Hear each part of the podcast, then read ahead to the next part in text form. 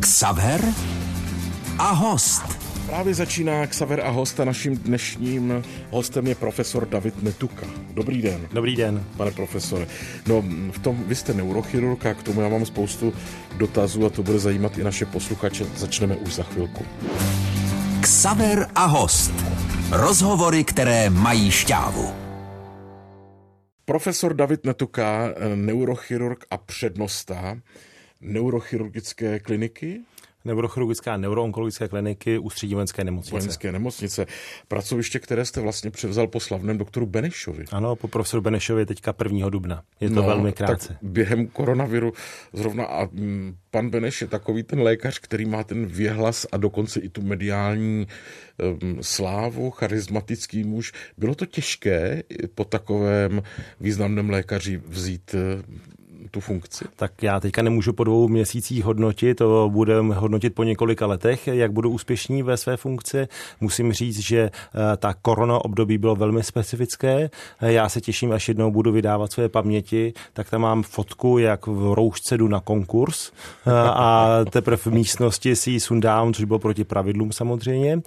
A stejně tak za normálních podmínek by bylo nějaké slavnostní předání funkce, mm-hmm. kde by bylo mnoho lidí z nemocnice, takhle to bylo ve třech, jenom pan e, ředitel, profesor Beneš a já, e, velmi intimně v kanceláři pana ředitele, kde většinu doby stejně jsme probírali korona situaci a opatření, takže to bylo velmi specifické a taky vlastně já jsem nastoupil do funkci ve chvíli, kdy se zrušily veškeré rituály, které jsou běžné na klinice, to znamená třeba společné hlášení, semináře. V tu chvíli, kdy během byla korona, tak jsme byli na týmy a, a nesměli jsme se potkávat. Takže jsem se stal eh, přednostou tak, v takové situaci, kdy jsem kolegům psal e-maily, uh, ukoloval jsem je a zároveň jsem věděl, že na začátku korona období nelze dělat nějaké systémové změny, ale naštěstí aspoň tu první vlnu jsme nějak přestáli a teďka už jsme se vrátili na 100% do normálu.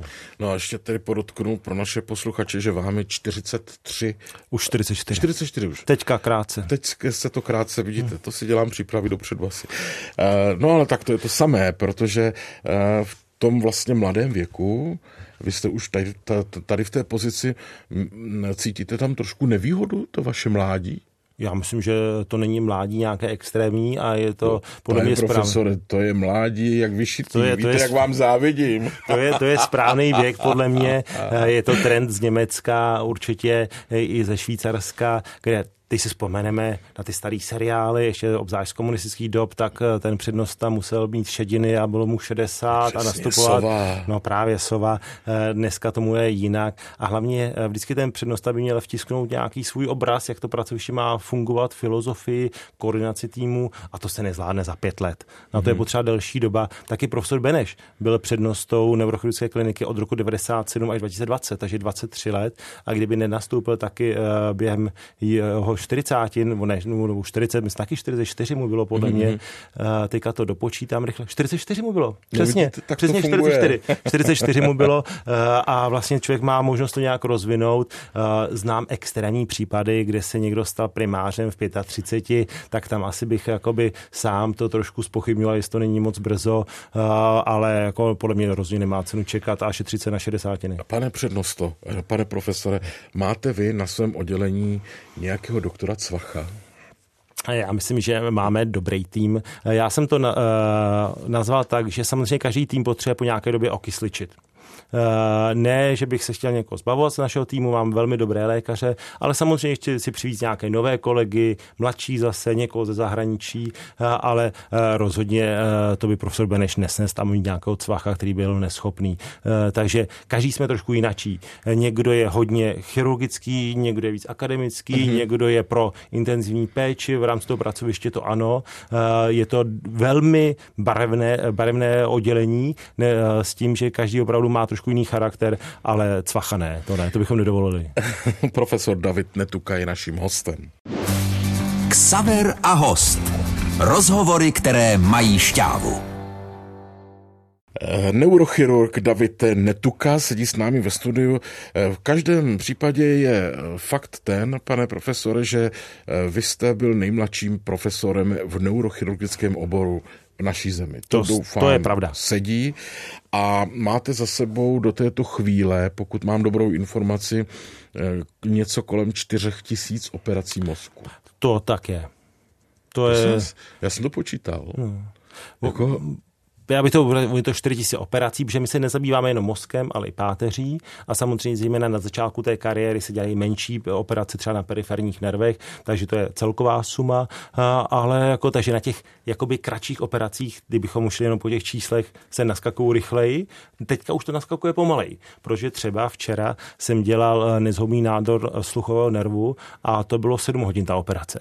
A prostě za ten den já nestihnu 10 takových operací, eh, takže těch čárek, kdybychom hodnotili čárky, ono je to taky nesmyslné si dívat jenom na čárky, eh, jde o ty pacienty, eh, ale teďka ty čísla už budou pomalej, protože dělá člověk složitější a složitější. Dneska ráno jsem dělal se jiný nezhoubný nádor, ten nebyl tak dlouhý, ale taky jsem končil kolem půl jedné a byla to operace od rána a to ještě kolega pak zašíval a teprve, když jsem přijel do studia, tak mě volali, že je všechno v pořádku a pacient je zbuzený. Mm-hmm. Takže to je jenom o tom, že to nejsou jenom absolutní hodnoty, jde o spektrum. No ale řekněte mi, pane profesore, když trvá ta operace 7 hodin, jak to vlastně je třeba s přestávkama? Teď musíte jít taky se vyčurat, nebo musíte si dát kafe, nebo něco sníst. To umožňuje ta operace? Nebo máte střídače tak, na tu chvilku? Je to tak, že na začátku té operace tam je někdo z mých mladších kolegů, který připravuje toho pacienta, takzvaně polohuje a dělá, eh, když to je zkušenější asistent, tak dělá přístup do hlavy například a pak tedy přicházím později já na tu samotnou část resekční třeba nějakého nádoru. No a pak eh, jde o to, jak tahle část je dlouhá. Když to bude, řekněme, 7 hodinová operace, tak samotná ta část uvnitř bude, řekněme, 4, 4,5 hodiny.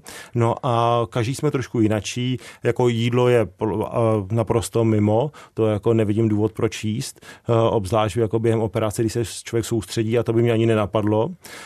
Pít to naprosto ojediněle. No a samozřejmě, když je hodně dlouhá operace, tak my si můžeme udělat nějakou krátkou pauzu na 10 minut, když tam zastavíme veškeré krvácení, člověk se trošku osvěží, takže možné to je, ale já to dělám relativně minimálně. Já jsem to takový ten typ úporné osoby, která tam chce dodělat tu operaci do konce. Ale kdyby se zeptal obecně, to je to může. Ale může se vám třeba udělat taky zlé, nebo no.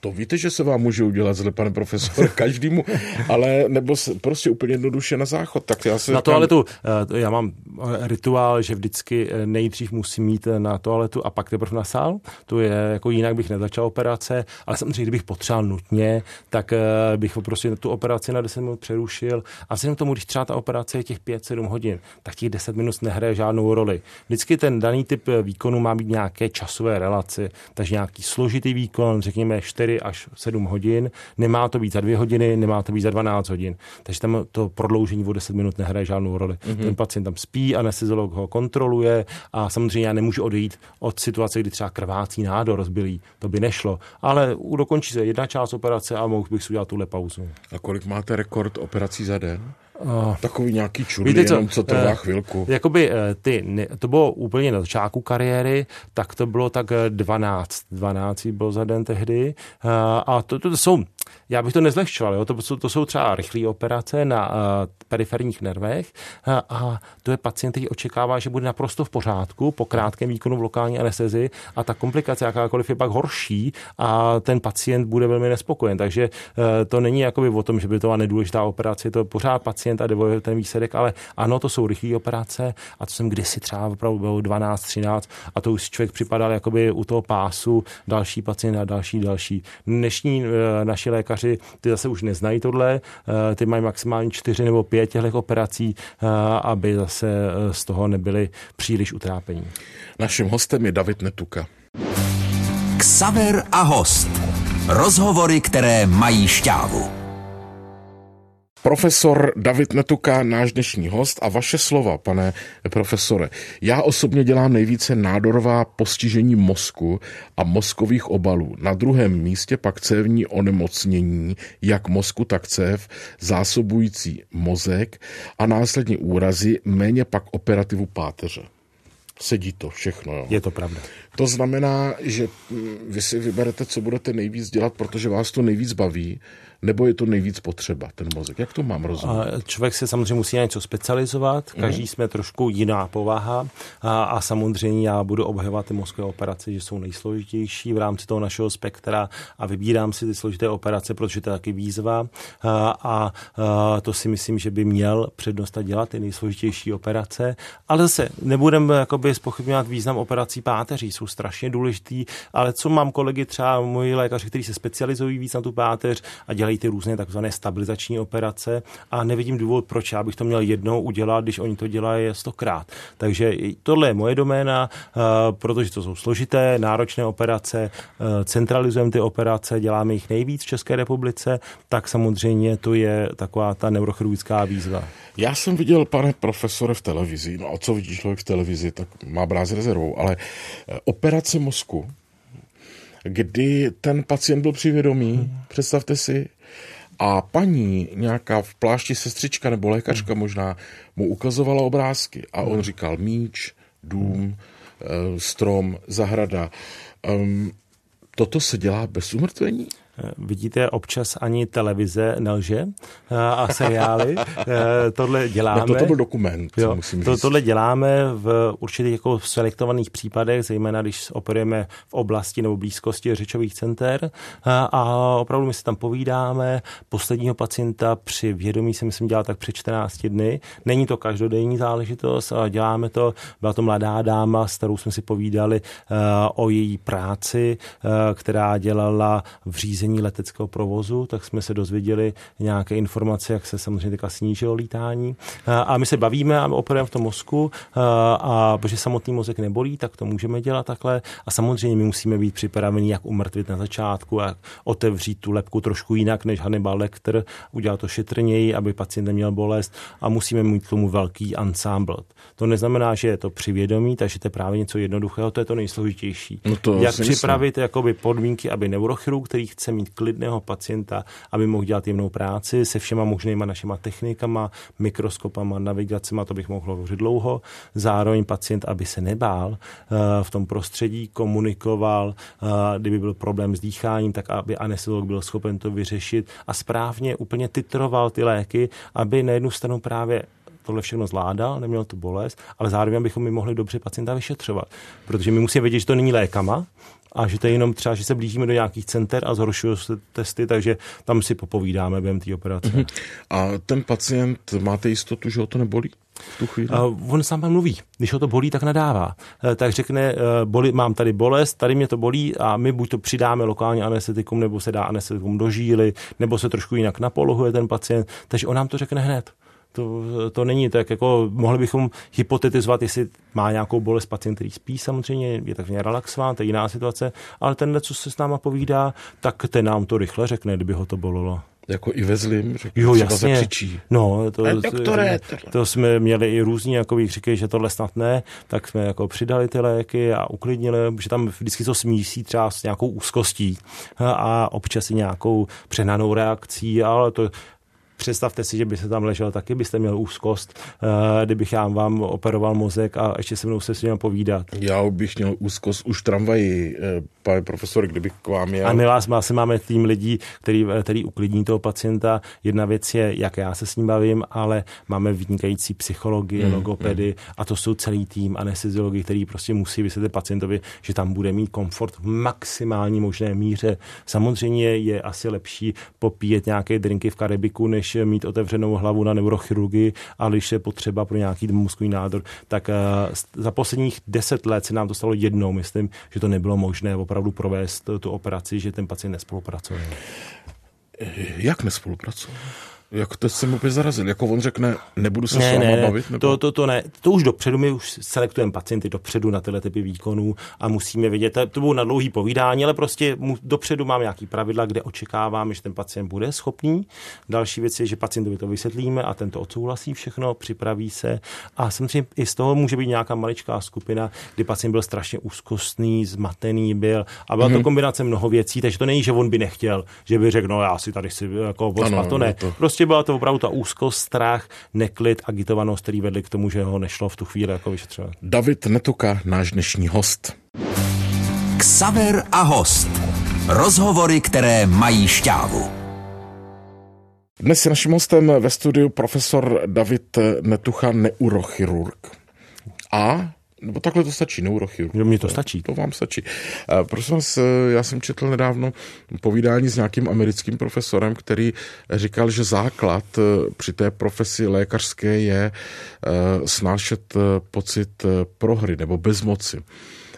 Jak často vy bojujete s pocitem bezmoci, pane profesore? Tak jsou, možná by se slyšel názory nějakých kolegů, že tyhle pocity neznají. Eh, to jsou eh, lidé, doktoři, kteří eh, podle mě málo přemýšlí o svých pacientech a berou to jenom jako standardní profesi, ne lékařskou profesi, takže samozřejmě se s tím člověk setkává.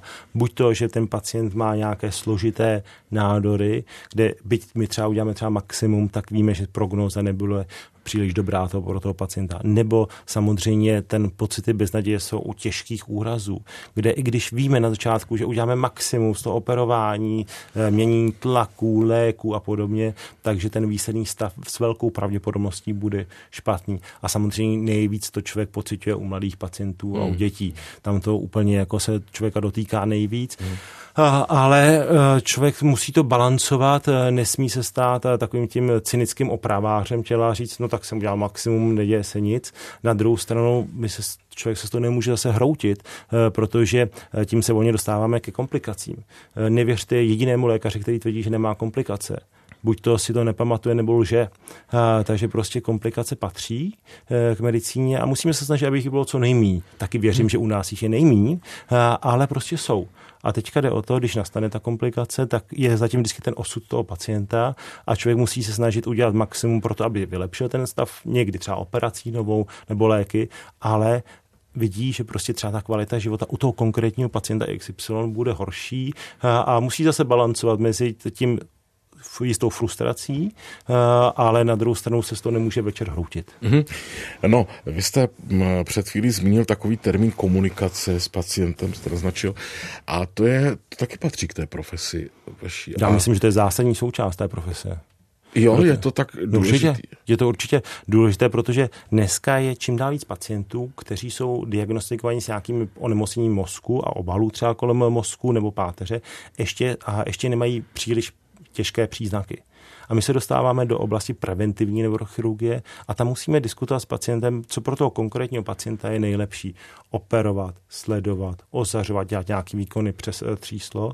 A samozřejmě já řeknu pacientovi doporučení. Já si opravdu nemyslím, že pacient by si měl vygooglovat svoji diagnózu a vygooglovat i řešení uh, té diagnózy, ale já si musím uh, zkomunikovat, ta rizika a taky trochu, jaké je nátury ten pacient. Mm-hmm. A, a někdo prostě řekne, no v tuhle chvíli mě to nedělá nic, já radši ponesu ta rizika, co mě říkáte, a budu chodit na kontroly, budu s tím žít bez problému a já se prostě bojím strašně operace, já se budu snažit vysvětlit.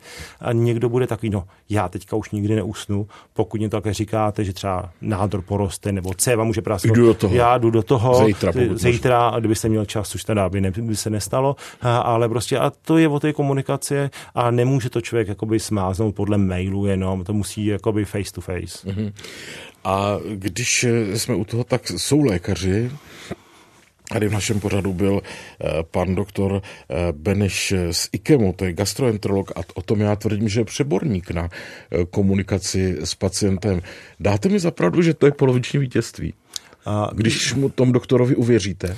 A, já ne, nevím, nechtěl bych říkat, jestli to je 50, 40 nebo 30 ale myslím, že to je naprosto zásadní věc. To zásadní. Protože pak ten pacient má tu víru v toho lékaře a samozřejmě i jinak snáší ten celý průběh toho onemocnění a té léčby. A když vlastně se najednou cítí, že nějaký číslo v pořadníku, tak najednou každá i sebe menší komplikace najednou je taková neosobní, že ten lékař je neosobní a daleko víc je frustrovaný ten pacient a nespokojený. Takže Jde o, jde o to, aby věděl, že já s ním nemluvím kvůli tomu, abych se zaoperoval. Já se mluvím s ním, abych se mu snažil pomoci odoperovat, ale pak, že ho sleduju dál a když tam třeba náhodou nejsem při nějaké kontrole, takže může napsat kdykoliv mail, může se ozvat a že to není prostě zapomenutý případ. Eh, slova našeho dnešního hosta, kterým je profesor David Netuka z vojenské nemocnice. Ksaver a host. Rozhovory, které mají šťávu. David Netuka, náš dnešní host, eh, profesor neurochirurg, já jsem si tak říkal, že ta neurochirurgie je taková, promiňte to slovo, nimravá, drobounká věc. Jo. Ono přece jenom, když operujete ten velký kloup, známe to z televize, tak to chytnete, že vrazíte tam, ale operujete v mozku. A já si tak říkám, co může být protiváha této práce. Jestli v okamžiku, když už máte za sebou několik operací nebo tu jednu sedmihodinovou, tak říkáte si, tak teď půjdu domů a buď to budu vozit cihly někam, nebo si půjdu zahrát tenis, nebo půjdu okopávat zahrádku. Co je jako to, co já, já nejsem takový ten domácí kutil, který by se právě jako vybil na té domácí práci.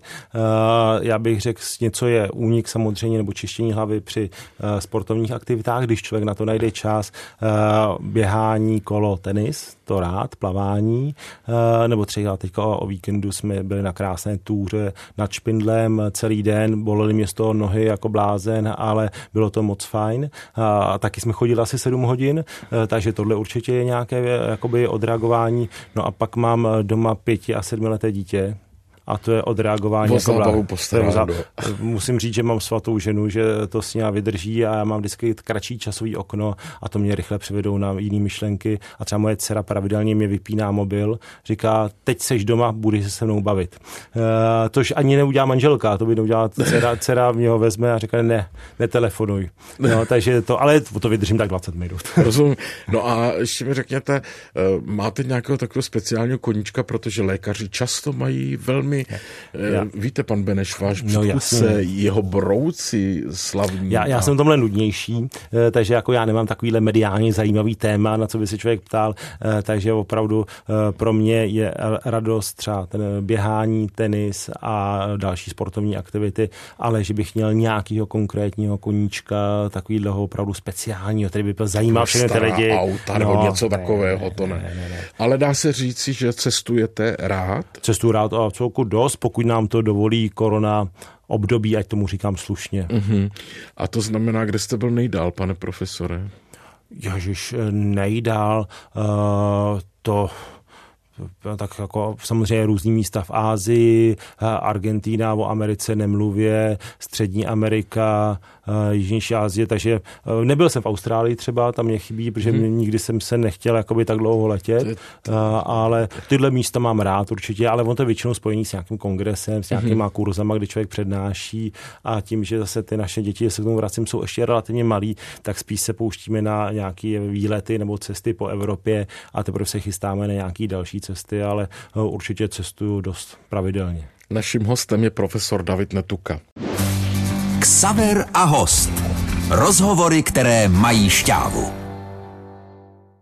Profesor David Netuka, eh, neurochirurg. Eh, pane profesore, co vás ještě čeká dnes po tom našem natáčení? Nějaký sport nebo jdete ještě do nemocnice? No, do, do nemocnice eh, máme odpolední hlášení, kde probíráme jednotlivé konzultace, eh, které hmm. k nám dorazily, pak se domluvíme, co si má udělat ve službě, pak mě čeká, abych si připravil přednášku na čtvrteční Kuncův memoriál, což je takové naše odborné fórum, první po covidové, tuhle přednášku a pak si musím ještě připravit prezentaci na vědeckou radu naší nemocnice a pak dovyřídit mail maily a doufám, že někdy v 6-7 snad možná vyrazím směrem domů. Takže dneska, dneska to nebude na, na běhání asi. Rozumím. A máte nějaký už jasný plán třeba na prázdniny, na cesty na dovolenou? ta doba je velmi specifická eh, teďka, takže eh, si zůstáváme velmi při zemi, takže máme v plánu Chorvatsko eh, s rodinou a pak hodně Špindl, Krkonoše, protože teďka plánovat nějaký daleký cesty, doví, jak to bude s různýma opatřeníma, o kterých se člověk občas může myslet svoje, ale holty nemůžu změnit, mm. takže jako žádnou dalekou cizinu, možná nějaký prodloužený víkend v Rakousku, to ano, ale exotiku, to bych byl blázen teďka plánovat. Umíte eh, takovou tu maníru, pane profesore, kdy maníru, ten okamžik, kdy odcházíte z práce, začíná vám třeba dovolená na 14 dnů a řeknete si, tak teď nechci o nemocnici slyšet, mám na to právo pár dnů, anebo jste takový ten typ, který je raději pořád ve spojení, že i tady několikrát mrknete do toho mailu, aby paní třeba nevěděla. Je to tak, že je to možná jedna z mých největších chyb, že to nedokážu. Jo, a myslím si, že pro mentální zdraví je to dobře, eh, ale stejně je to kontrol, že dneska my jsme připojení pořád přes internet. Já se podívám kdykoliv na snímky našich pacientů, můžu to všechno projít eh, a ten mail prakticky nevypínám, eh, takže to nedokážu, ale musím se tím zamyslet, jestli to není špatně. No, jestli třeba existuje vůbec nějaká metoda, protože to je Metoda vnitřní... je absence signálu internetového a telefonního. To, to, je, to, je, to je jediná, to je jediná metoda, protože metoda. já ani manželka si právě nedovolí mě jakoby odebrat třeba data, že by řekla, teď data nebudou. To ne, to se neudělá. Jsem velmi rád, že jste přišel do našeho pořadu. Těším se na příště, bylo to zajímavé, ale ještě bych měl spoustu otázek. Tak doufejme, že bude někde na to příležitost. Tak třeba bude příležitost. Děkuji za pozvání. Mějte se moc hezky. Naším dnešním hostem, přátelé, byl profesor David Netuka a bylo mi ctí. Ksaver a host. Rozhovory, které mají šťávu.